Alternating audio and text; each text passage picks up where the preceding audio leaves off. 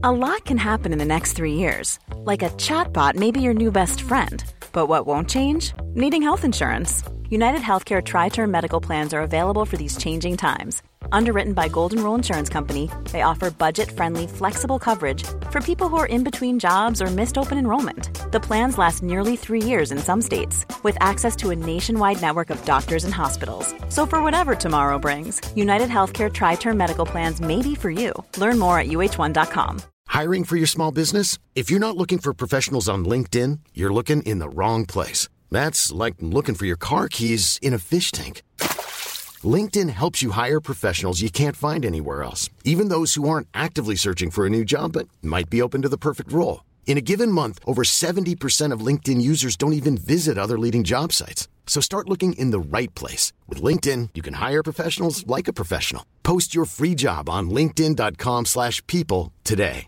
Hey, it's Ryan Reynolds, and I'm here with Keith, co-star of my upcoming film, If, only in theaters May 17th. Do you want to tell people the big news? All right, I'll do it. Sign up now and you'll get unlimited for $15 a month and six months of Paramount Plus Essential Plan on us. Mintmobile.com slash switch. Upfront payment of $45 equivalent to $15 per month. Unlimited over 40 gigabytes per month. Face lower speeds. Videos at 480p. Active Mint customers by 531.24 get six months of Paramount Plus Essential Plan. Auto renews after six months. Offer ends May 31st, 2024. Separate Paramount Plus registration required. Terms and conditions apply if rated PG. Metro Sounds. Kriminalkrøniken. En true crime-podkast hvor autentiske kriminalsaker fra Norge og resten av Norden fortelles med politiets egne ord. Advarsel. Denne podkasten inneholder sterke skildringer som kan virke støtende for noen. Tistedalsdrapene del to. Denne episoden er bygget på en tekst av journalist Frank Kiel Jacobsen. Halden 1991 og 1992. Det eldre, velstående søskenparet Grete og Paul Erik Moan blir funnet myrdet i Tistedal. De har blitt hugget ned med kniv på bestialsk vis. Senere blir Haldens Sparebank brutalt ranet av en maskert mann med avsagd hagle. Ingen av sakene er blitt oppklart, og nå har politiet fått en ny utfordring. Den 71 år gamle pensjonisten Nils Åge Borge er sporløst forsvunnet fra hjemmet sitt i Tistedal. Sykkelen hans og en hagle er også borte, men bilen hans blir funnet ved et grustak like ved et populært turområde. Rykter sprer seg raskt på små steder, og nå snakkes det om at Nils Åge i lengre tid skal ha følt seg overvåket av den 50 år gamle Tor Inge Vatne, han som i 1976 måtte sone en dom på 15 dager for et større sukker- og meltyveri. Mange vendte Tor Inge ryggen etter denne dommen. Nå er outsideren, som på folkemunne bare blir kalt mel- og sukkerkongen, blitt kalt inn til politiavhør. Tor Inge blir innkalt til politiavhør to ganger og konfronteres med ryktene. Han nekter og avfeier det hele som ondsinnet oppspinn. Politiet gir nå opp å lete etter Nils Åge, men broren og familien hans klamrer seg til håp om å finne ham. Hver helg tråler de gjennom terrenget hvor den savnede pleide å gå tur, men uten resultat.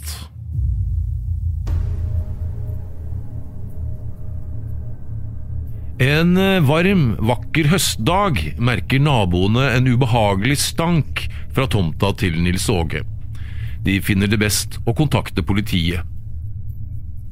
Politiet har tidligere finkjemmet hagen, og de har heller ikke denne gangen med seg hund. De går omkring og snuser uten å merke noe spesielt, og til slutt slår de seg til ro med at lukten som naboene har kjent, må ha kommet fra avfallsdunken til Nils Åge.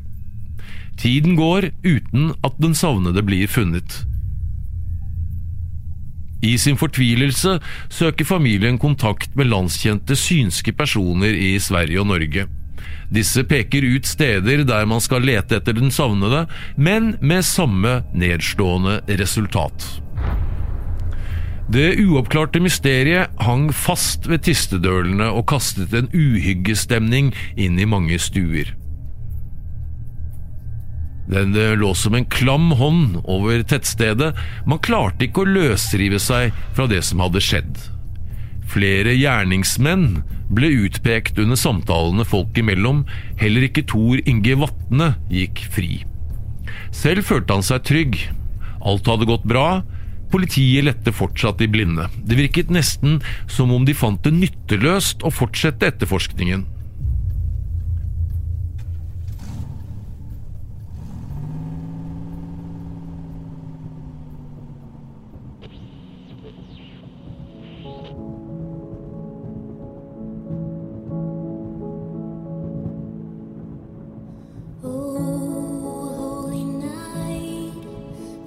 Det gikk mot jul, og Tor Inge var igjen blakk. Pengene fra bankranet og det lille han hadde funnet hos Nils Åge Borge, var brukt opp. Nå hopet regningene seg opp igjen, og dessuten måtte han ha penger til jul- og nyttårsfeiringen. Han hadde i lang tid studert rutinene ved Quickly matsenter noen få meter unna. Han hadde registrert når butikksjefen kom med dagens kassabeholdning og kjørte til banken. Alle detaljer hadde han notert i hodet. Det ville være utrolig dumdristig å forsøke et kupp nærmest vegg i vegg. Men nettopp dette ville kanskje avlede mistanken fra ham. Han gjør sine forberedelser grundig.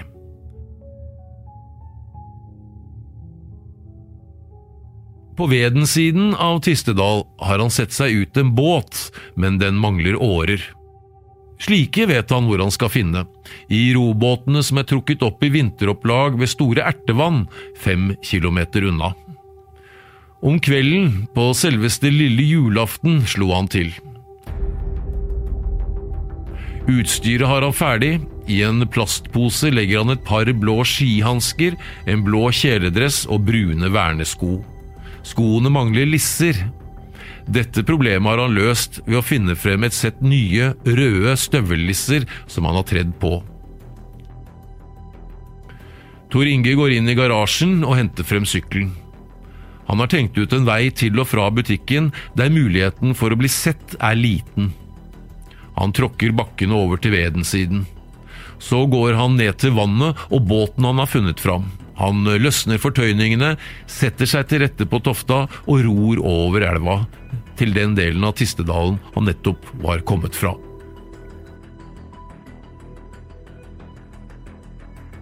På den andre siden av elva tar han på seg ransklærne. Hagla, som han har stjålet i huset til Borge, ligger skjult i plastposen han har tatt med seg. Langsomt går han Åremarksveien i retning Quickly matsenter.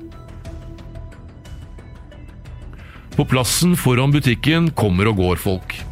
Vinduene i husene omkring er opplyst. Sjansene for å bli oppdaget er stor. Butikksjefens hvite Volvo står der, ikke svøpt i mørket, men godt synlig i skjæret fra butikklysene. Et kort øyeblikk er parkeringsplassen plutselig folketom.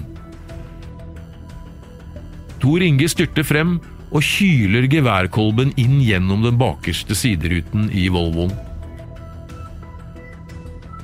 Så rekker han hånden inn, åpner døren og setter seg med bankende hjerte i baksetet.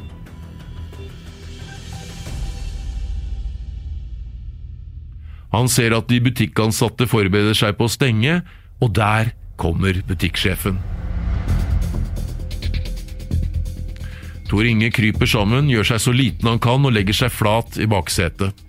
Butikksjefen, Pål Roar Bråten, starter opp, og bilen ruller ut fra parkeringsplassen.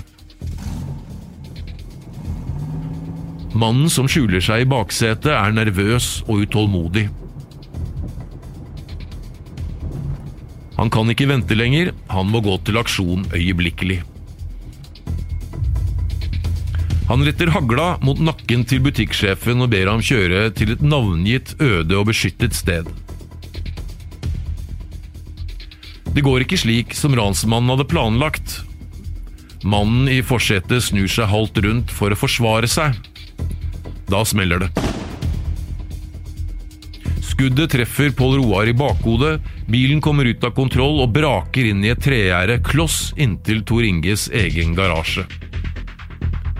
Tor Inges første tanke er pengene. Han griper plastposen som butikksjefen har lagt fra seg i passasjersetet foran. Med den i den ene hånden og hagla i den andre går han med hurtige skritt vekk fra bilen. Nå gjelder det å holde hodet kaldt. Han må ikke begynne å løpe, det kan vekke mistanker hvis noen skulle se ham. Men i trygg avstand fra matsenteret begynner han å småløpe. Han følger ruta han har lagt opp, setter seg i båten og ror med kraftige åretak over elven til Vedensiden.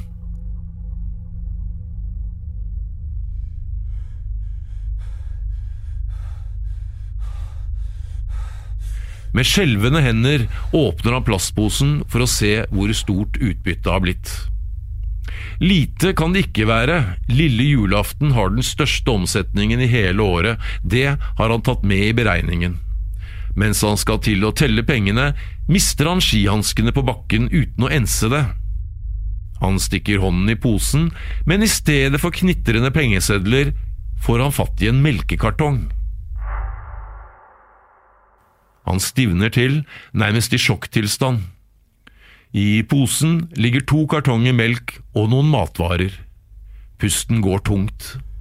Han har myrdet et menneske for to liter melk.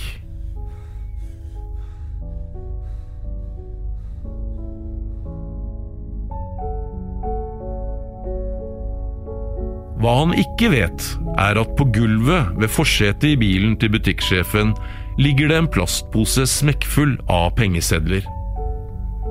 Han lar posen med melkekartongene gå samme veien som hagla og ransklærne, i elva, før han setter seg på sykkelen og i mørk sinnstilstand setter kursen hjem. Han har drept en mann for to liter melk. Det går kaldt nedover ryggen på ham.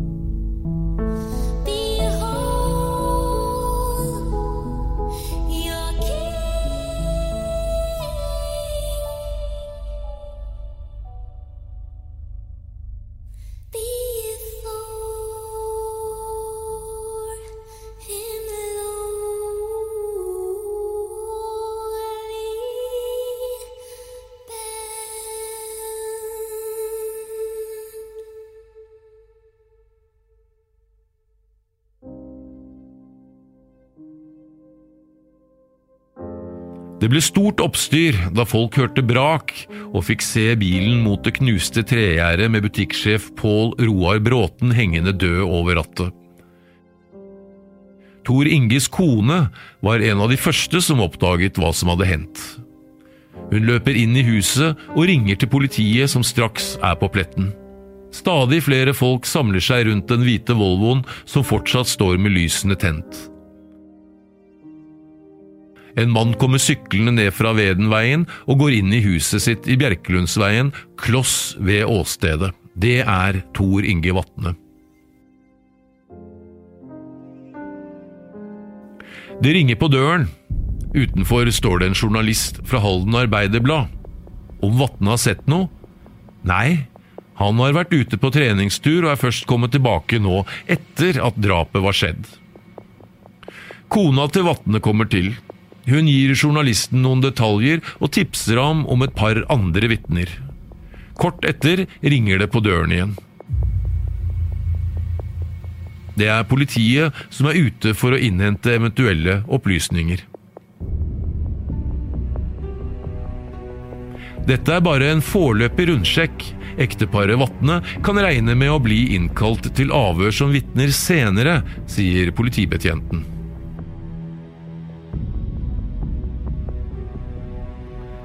Etter et nytt drama i Tistedal fikk mediene riktig blod på tann. Med overskrifter i en typografi som nesten sprengte forsidene, kunne avisene fortelle leserne om det som hadde skjedd. Nå var det riktig blitt dimensjon over sakene. Tre drap og en forsvunnet pensjonist innenfor et sterkt begrenset geografisk område. Det tidligere så fredelige og bortgjemte tettstedet kom i alles søkelys. Her ble det skrevet norsk kriminalhistorie av det helt store format.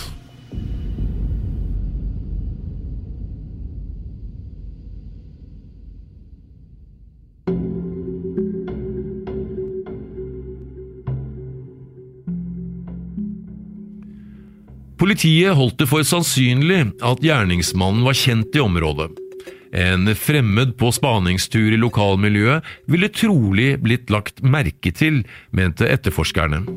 Noe slikt hadde man ikke fått indikasjoner på hittil, etter mer enn 100 vitneavhør. Politiet arbeidet etter en teori om at det ikke var drapsmannens hensikt å drepe butikksjefen.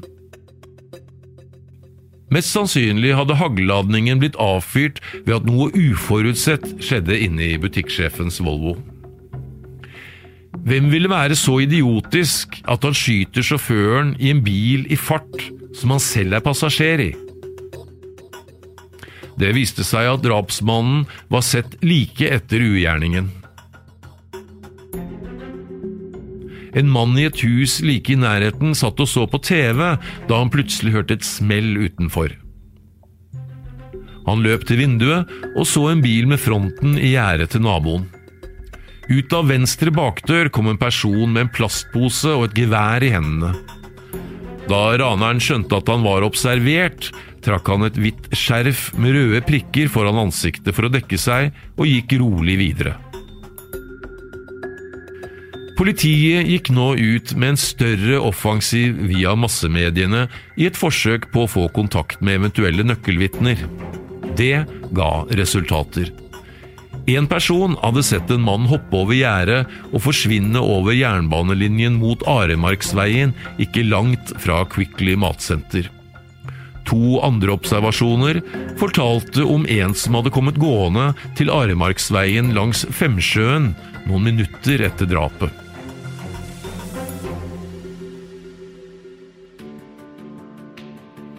Noen dager etter drapet ble det gjort to viktige funn som satte fart i etterforskningen. Ved vanninntaket til Sagbruksforeningen ved munningen av Femsjøen fant en kontrollør en plastpose med to liter melk og en del eh, kolonialvarer. Det ble kjent at butikksjefen hadde handlet melk og andre varer like før butikken stengte lille julaften. Ved å undersøke datostemplinger på kartongene og sjekke kassaapparatene i Quickly, fant politiet ut at melken måtte ha tilhørt butikksjefen. Hadde drapsmannen tatt med seg riktig pose under flukten, ville utbyttet blitt bare 80 000 kroner, hvorav 19 000 kroner i sjekker.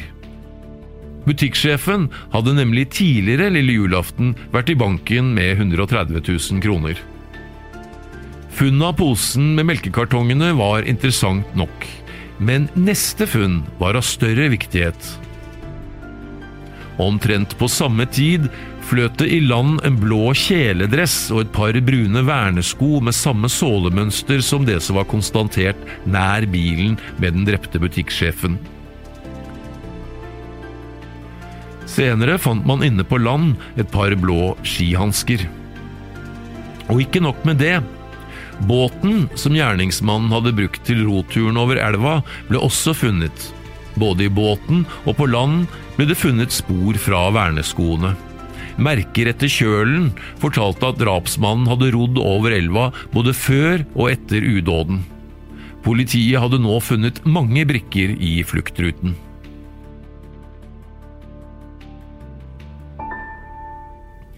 Mannen som eide de spesielt utformede årene i båten, meldte seg.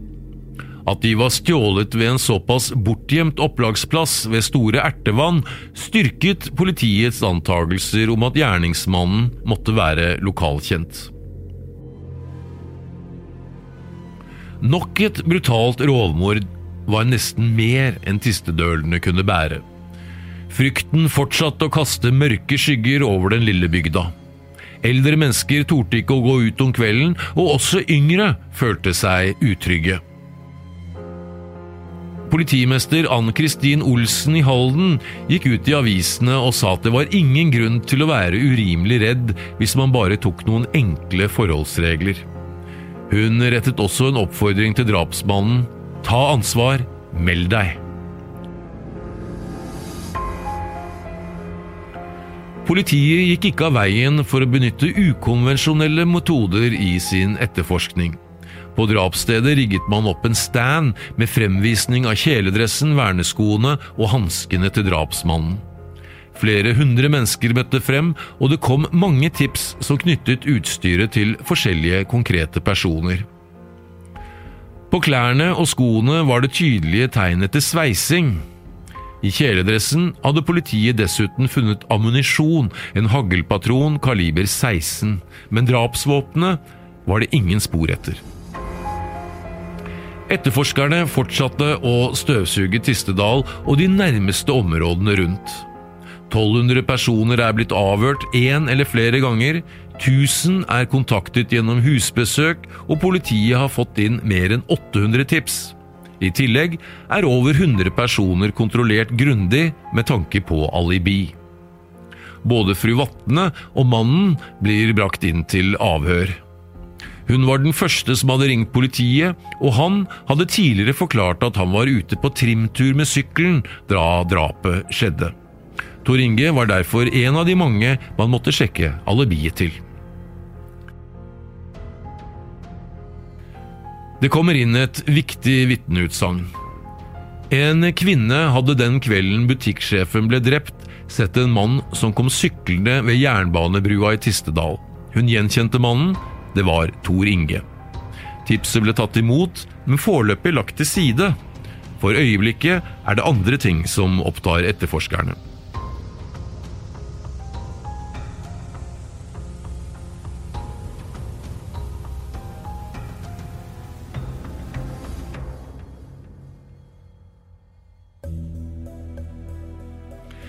Tre gutter skulle løse mysteriet med den savnede Nils Åge Borge, som hele Tistedal hadde vært opptatt av i sju måneder. Det er søndag 28. mars 1992. Guttene er på jakt etter en fotball som de har mistet under lek. De går nedover Løkkebergveien. De har kikket flere steder, nå vil de se om den kan ha trillet inn på tomta til Nils Åge Borge. Her kan de bevege seg fritt. De vet at det brune huset har stått tomt lenge. De kommer frem til en bortgjemt komposthaug bak et plankegjerde. Ballen var heller ikke der. Da de begynner å lete et annet sted, får plutselig en av dem øye på noe som skinner mellom råttent løv og gress.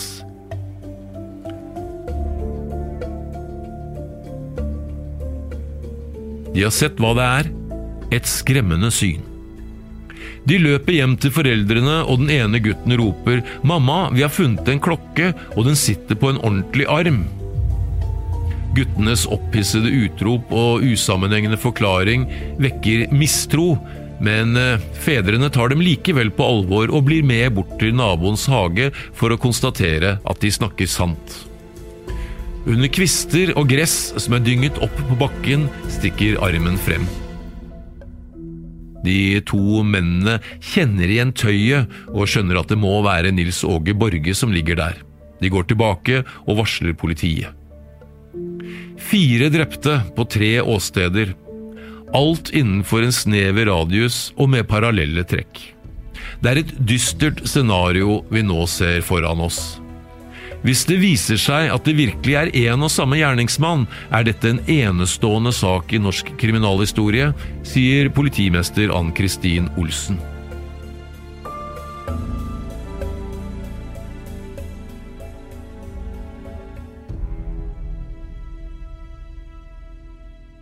Politiet intensiverte sitt arbeid. 20 etterforskere fra Hallen politikammer og Kripos jaktet febrilsk på det de mente var en syk seriemorder med tilhold i Tistedal eller nærområdene. Blant eh, lokalbefolkningen begynte tilliten til politiet å slå sprekker. Fire drap på drøyt ett år, og fortsatt gikk morderen fri. Bygda var i sjokk. Tistedølenes nerver sto i helspenn. Politiet konsentrerer igjen oppmerksomheten om bankranet i Glenne. Flere detaljer peker i retning av at bankraneren og mannen som drepte butikksjefen, kan være den samme. Bankvideoen med bilder av raneren blir studert nøye. Mannen snakker svensk. Språkeksperter blir koblet inn og analyserer videoen. Deres konklusjon er klar. Raneren er svensk. Politifolkene fra grensedistriktet Halden stiller seg skeptiske. De er vant til å høre broderfolkets språk, og finner ut at raneren bruker en rekke norske ord. Han sier 'teller' i stedet for 'reknar'. Han sier 'i gang' i stedet for 'i gang'. Og ett minutt, og ikke én minutt, som i Sverige. Andre ord og vendinger tyder også på at raneren er norsk, selv om han snakker et svensk som er tilnærmet korrekt. Bilder av klærne og hagla som gjerningsmannen kastet fra seg etter ranet, blir vist i avisene, og TV viser videoen fra banken. Dette fører til en flom av tips til politiet.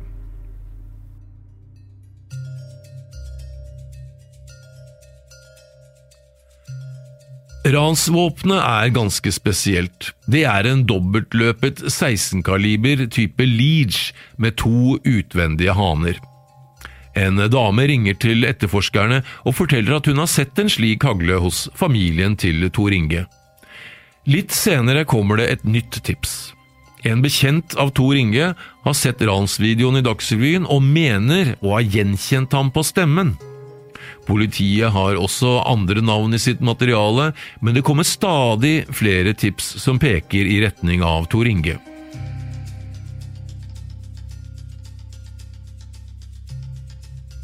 En av de store løssalgsavisene lager en kopi av bankvideoen, der leserne kan ringe inn og høre ranerens stemme.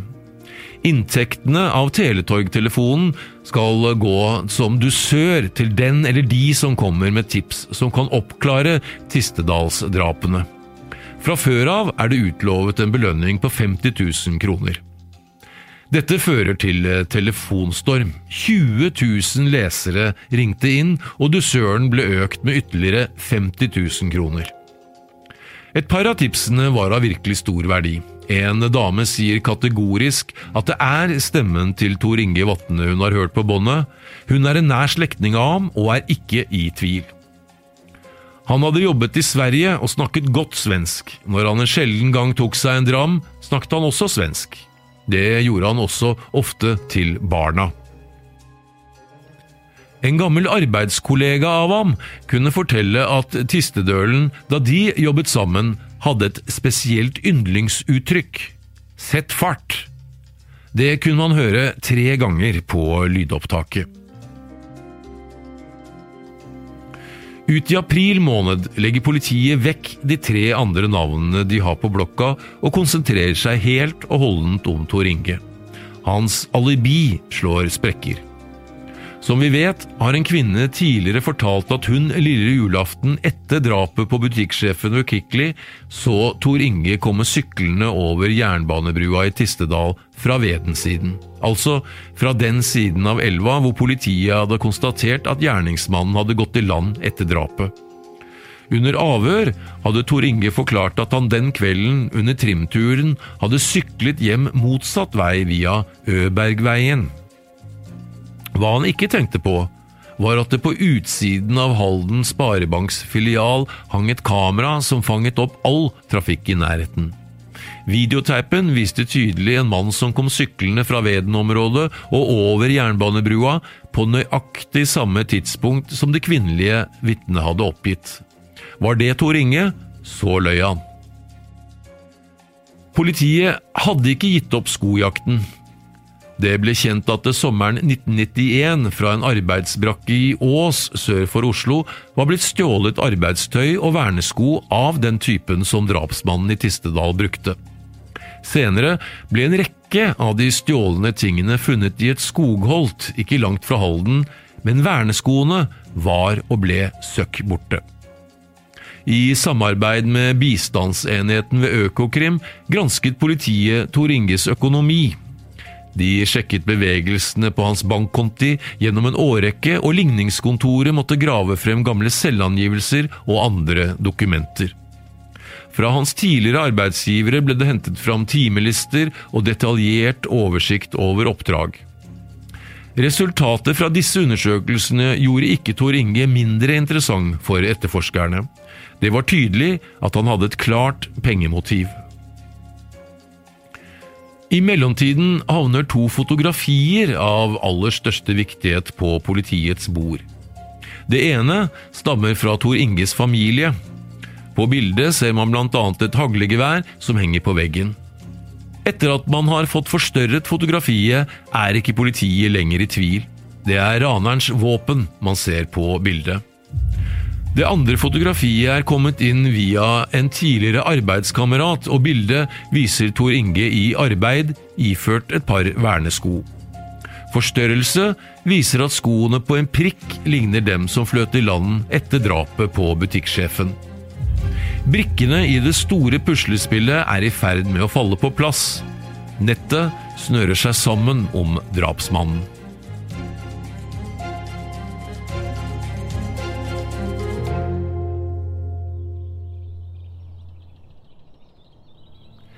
Tidlig fredag morgen 30. april slår politiet til. Allerede klokka 06.30 står den første sivile politibilen diskré plassert i nærheten av Tor Inges hus. Fra bilen blir beboernes bevegelser observert og registrert. Da han setter seg i bilen ved åttetiden og kjører sin yngste datter til skolen, får han gjøre dette i fred. Men etter at han har forlatt Berg barneskole og setter kursen mot Halden, aksjonerer politiet. De stopper bilen og sier at han er siktet for ranet mot Halden Sparebanksfilial på Glenne den 15. april 1992. De ber han bli med til politikammeret hvor avhørene skal finne sted, mens han mellom øktene skal sitte i Larvik kretsfengsel. Senere på dagen blir huset i Bjerkelundveien finkjemmet fra kjeller til loft. Man er nå på jakt etter ting som kan knytte den ranssiktede til de fire drapene i Tistedal. Dette var en lite hyggelig opplevelse for Tor Inges kone. Hun hadde fødselsdag samme dag, og kunne vel ikke fått en verre fødselsdagspresang. Tor Inge ble nå avhørt om Glenneranet og drapene, men nektet kategorisk å ha hatt befatning med noen av sakene. Han er kjent med rykteflommen som har versert mot ham i Tistedal, og hevder at politiet har lånt øre til denne. Han er helt avslappet under avhørene og virker fullstendig uberørt av den dramatiske situasjonen. Han spøker og ler. Mandag 3. mai er det fengslingsmøte i rettslokalet i Halden. Sorenskriver Gunni Fiane slår fast at det er grunnlag for varetektsfengsling i fire uker med brev- og besøksforbud. Tor Inge tar kjennelsen med fatning. Han er like kald og rolig.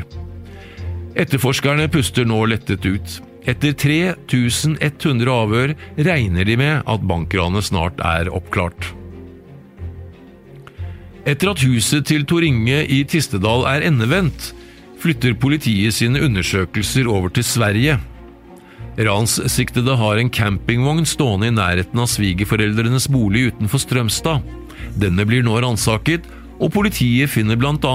to kniver, en Winchester-hagle kaliber 12 og to nåler med dobbel tråd, lik den drapshanskene var lappet med.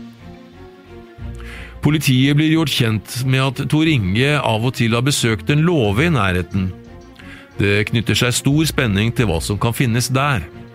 Rent umiddelbart er skuffelsen stor. Ingenting av interesse, bare en gammel skurtresker og forskjellig skrot. Noen av politifolkene klatrer opp stigen til annen etasje. Her ligger hauger av tørket høy. En politikvinne går rundt og sparker litt i gresset. Plutselig kommer hun borti noe metall. Høyet blir kastet til side, og der ligger en demontert sykkel. Politifolkene gjør store øyne. Kan det virkelig være mulig? Foran dem ligger delene av en blå diamant kombisykkel nøyaktig maken til den som forsvant fra eiendommen til Nils Åge Borge.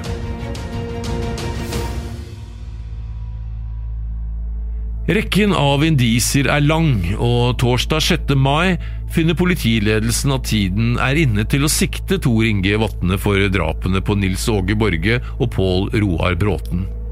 Meldingen om siktelsen setter en støkk i Tor Inge. Hans tidligere ro forsvinner. Han er tydelig nervøs og forstår at nå er det virkelig alvor. Han strever med å komme med forklaringer som kan føre ham ut av knipa, men det er åpenbart at politiet har mange kort på hånden nå. På flere av gjenstandene som er brukt i forbindelse med drapene i Tistedal, er det funnet fingeravtrykk, hår og andre biologiske spor som stammer fra den siktede. Etterforskerne er på mange måter i en idealsituasjon. De sitter med fasit til å sjekke de aller fleste detaljer i siktedes fremstilling. Tor Inges sønn, som er siktet for bedrageri, er uten farens vitende også inne til avhør, og han forteller viktige ting som kaster lys over Tor Inges aktiviteter. Siktedes første advokat føler at han ikke klarer denne store oppgaven. Kjendisadvokaten Janne Christiansen overtar som forsvarer.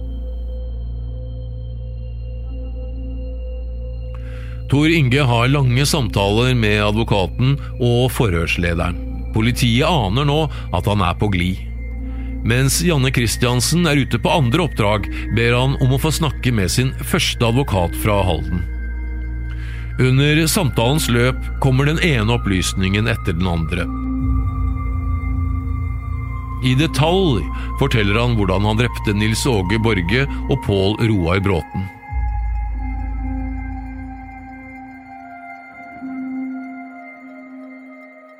Han er sliten, men virker lettet etter å ha tilstått. Han røper også hvor han kastet fra seg hagla etter drapet på butikksjefen. Politiet hadde flere ganger tidligere foretatt dykking etter drapsvåpenet, men uten resultat. Nå ble det funnet ved utløpet av Femsjøen etter noen få dager. Torsdag den 27. mai blir Tor Inge også formelt siktet for drapene på søskenparet Moan. Indisiene er mange, men man har intet fellende bevis. Man mangler en tilståelse.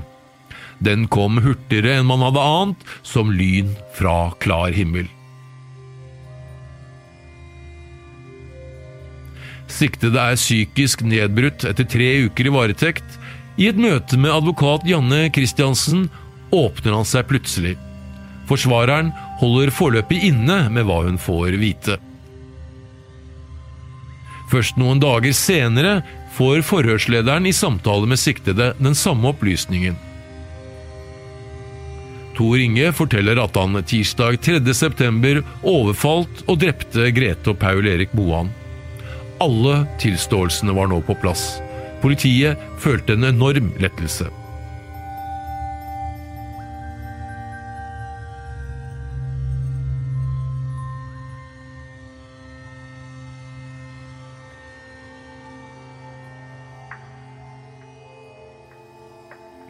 I august kom det en uventet vending i eh, saken.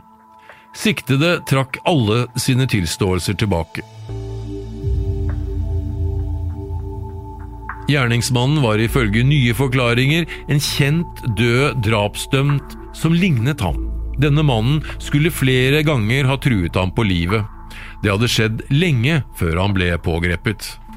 Jeg møtte mannen flere ganger og ble oppringt på telefon. Han truet med å drepe meg og kidnappe familien min om jeg ikke tok på meg skylden for drapene hvis jeg ble pågrepet, sa Tor Inge i nye avhør. Han hevdet for øvrig at han var blitt hjernevasket av politiet til å tilstå etter at han var blitt arrestert. Forhørslederen frarådet gang på gang Tor Inge å trekke tilbake de detaljerte drapstilståelsene, men han holdt på sitt. Da politiet konfronterte ham med det merkelige i at han tidligere så detaljert hadde kunnet fortelle om drapshendelsene, svarte han jeg fikk vite alt om drapene og bankranet av morderen.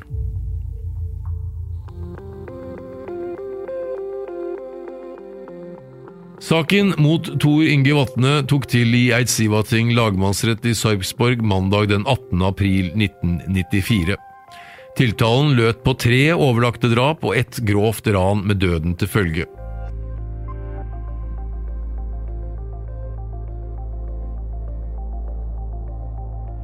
Sarpsborg bystyresal var fylt til siste plass da lagmann Nils Erik Lie presis klokken 11 banket klubba i bordet og erklærte rettsforhandlingene innledet i en av Norges mest omtalte drapssaker. Allerede to timer før hadde de fleste tilhørerne stilt seg i kø for å komme inn. I dongeribukse, stripete skjorte, briller med sølvinnfatning og velpleiet hår og skjegg satt tiltalte tilsynelatende uanfektet ved siden av sin forsvarer, mens en hær av fotografer fra TV og aviser tok sine bilder. Rundt 50 norske og svenske pressefolk var til stede i retten. Bankran er greit, det andre nekter jeg helt, svarte tiltalte med klar og bestemt røst da lagmannen spurte om han erkjente seg skyldig etter tiltalen. Aktor, førstestatsadvokat Lasse Kvikstad, la opp en taktisk felle som tiltalte straks gikk rett i. Han forklarte seg villig i jeg-person fra tilståelsene han hadde trukket tilbake. Det lød nesten som en erkjennelse av saksforholdet, slik aktor hadde håpet. Forsvareren Janne Christiansen hadde ingen mulighet til å stanse klienten fra å vasse inn i en gjørme av selvmotsigelser. Da han ble bedt om å fortelle om selve drapshandlingene, distanserte han seg ved å henvise til vedkommende, og tok også forbehold på andre måter. Gjennom en rekke gamle og nye forklaringer, bekjennelser og benektelser forsøkte han å befri seg fra stempelet som en kaldblodig morder. For de ti i lagrettens jury var det ikke lett å følge med da aktor og tiltalte selv opererte med tre forklaringer. Hans tilståelser i mai 1993, Forklaringene han avga i forbindelse med at han trakk tilståelsen i august samme år, og forklaringen i retten. Spriket mellom de tre forklaringene var åpenbare. Aktor la ikke skjul på at han verken trodde på tiltaltes nye forklaring, eller at det var krangel med søskenparet Moan og Nils Åge Borge som var motivet for drapene. Tor Inge drepte for penger, hevdet advokaten. Tiltalte kunne ikke unngå å registrere lagmannen og aktors skepsis til de forklaringer han kom med, og han utbrøt. Det er tydelig at politiets oppfatning er at gjerningsmannen står her. Det er min oppfatning også, sa førstestatsadvokat Kvikstad lakonisk. Under den andre dagen av rettsforhandlingene fikk lagmannsretten bl.a. høre om Tor Inges anstrengte økonomi. Den dagen han brutalt myrdet søsknene Moan, hadde han bare 33 kroner på bankkontoen. Kort etter betalte han et avdrag på lån med 38 802 kroner kontant. Kan du huske hvordan du fikk de pengene? spurte aktor. Tiltalte svarte at han hadde hentet penger i Gøteborg i august. Han var tydelig utilpass og kunne ikke svare på hvor mye penger han skulle ha hentet i Sverige. I retten påviste aktor også at Tor Inges økonomi var svært presset på tidspunktene da de andre forbrytelsene fant sted. Han ble også avhørt om den hatske stemningen i Tistedal, han la ikke skjul på at det hadde vært vanskelig å bo i bygda etter at ryktene om at han skulle være drapsmannen hadde begynt å spre seg. Hele familien hadde store problemer før pågripelsen. Hetsen var intens sommeren og høsten 1992. Blant annet merket den elleve år gamle datteren i skolegården at faren var utpekt som gjerningsmannen. Dreperen Tor Inge Vatne kalte skolebarna meg, sa han. Folk som kjørte forbi huset mitt i Bjerkelundveien, stanset for å se på meg, og en kvinne spyttet på meg. Det var også en eldre kvinne som spyttet på min kone. Familien mottok mange sjikanøse brev og telefoner, forklarte tiltalte til advokat Janne Christiansen.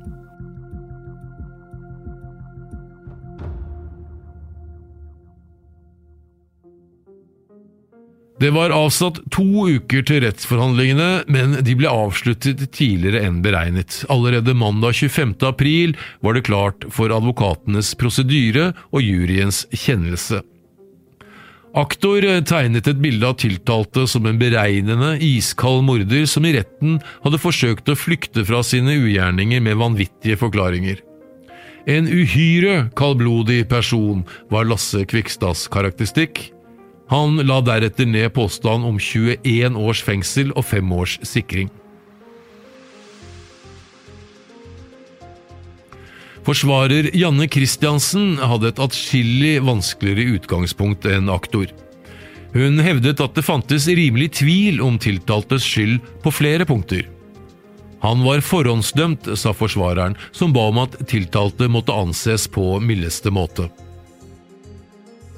Juryen i Eidsivating lagmannsrett brukte bare to og en halv time på å svare ja på alle spørsmål om Tor Inge Vatnes straffskyld. Han ble funnet skyldig på alle punkter i den alvorlige tiltalen om drapene i Tistedal og bankranet på Glenne. Juryen var preget av stundens alvor da de vendte tilbake til rettssalen. Tiltalte virket kald og uberørt, han viste overhodet ingen følelser. Tor Inge Vatne var også uten synlige reaksjoner da lagmannsretten dagen etter leste opp dommen som var i samsvar med aktors påstand 21 års fengsel og 5 års sikring. Eidsivating lagmannsrett levnet ham absolutt ingen ære da domspremissene ble lagt fram.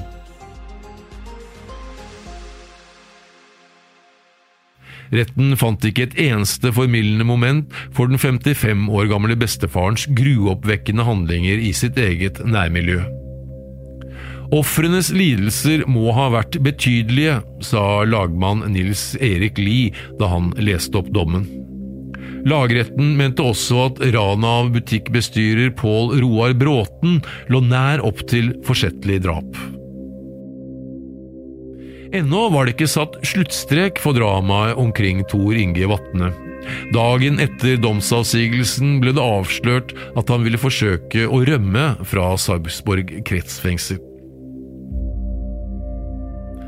Under en rutinekontroll fant fengselsbetjentene en falsk dynamittgubbe gjemt under madrassen på cella til den drapsdømte. I tillegg kom han over en kladd til en fluktplan. En renskrevet versjon fant politiet da fangen ble ransaket noe senere. Tor Inge hadde laget en detaljert plan der han hadde listet opp forskjellige fluktruter.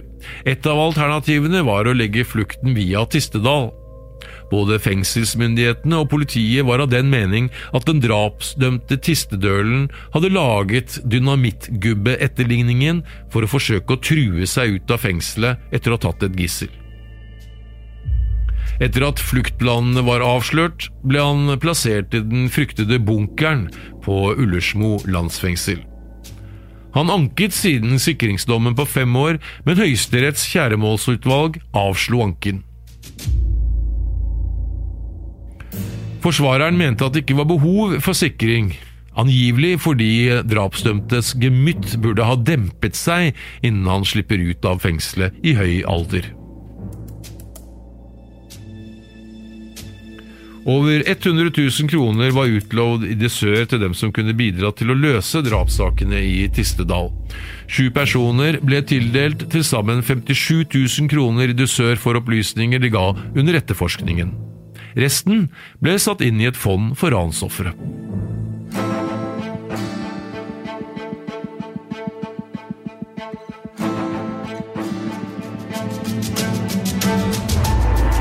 Du har hørt andre del av Tistedalsdrapene. Denne episoden er bygget på teksten Et bygdesamfunn i sjokk, skrevet av journalist Frank Kiel Jacobsen. Forteller var Hans Olav Tyvold. Produsenter var Christian Gilsvik og Marianne Moe. Podkasten er produsert av Metro Sounds.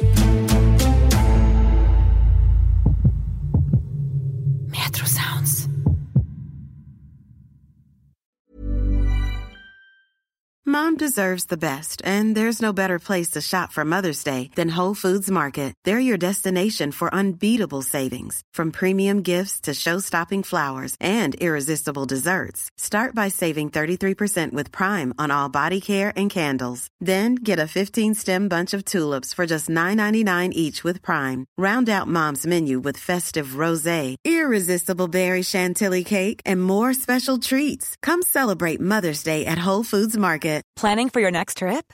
Elevate your travel style with Quince. Quince has all the jet setting essentials you'll want for your next getaway, like European linen, premium luggage options, buttery soft Italian leather bags, and so much more.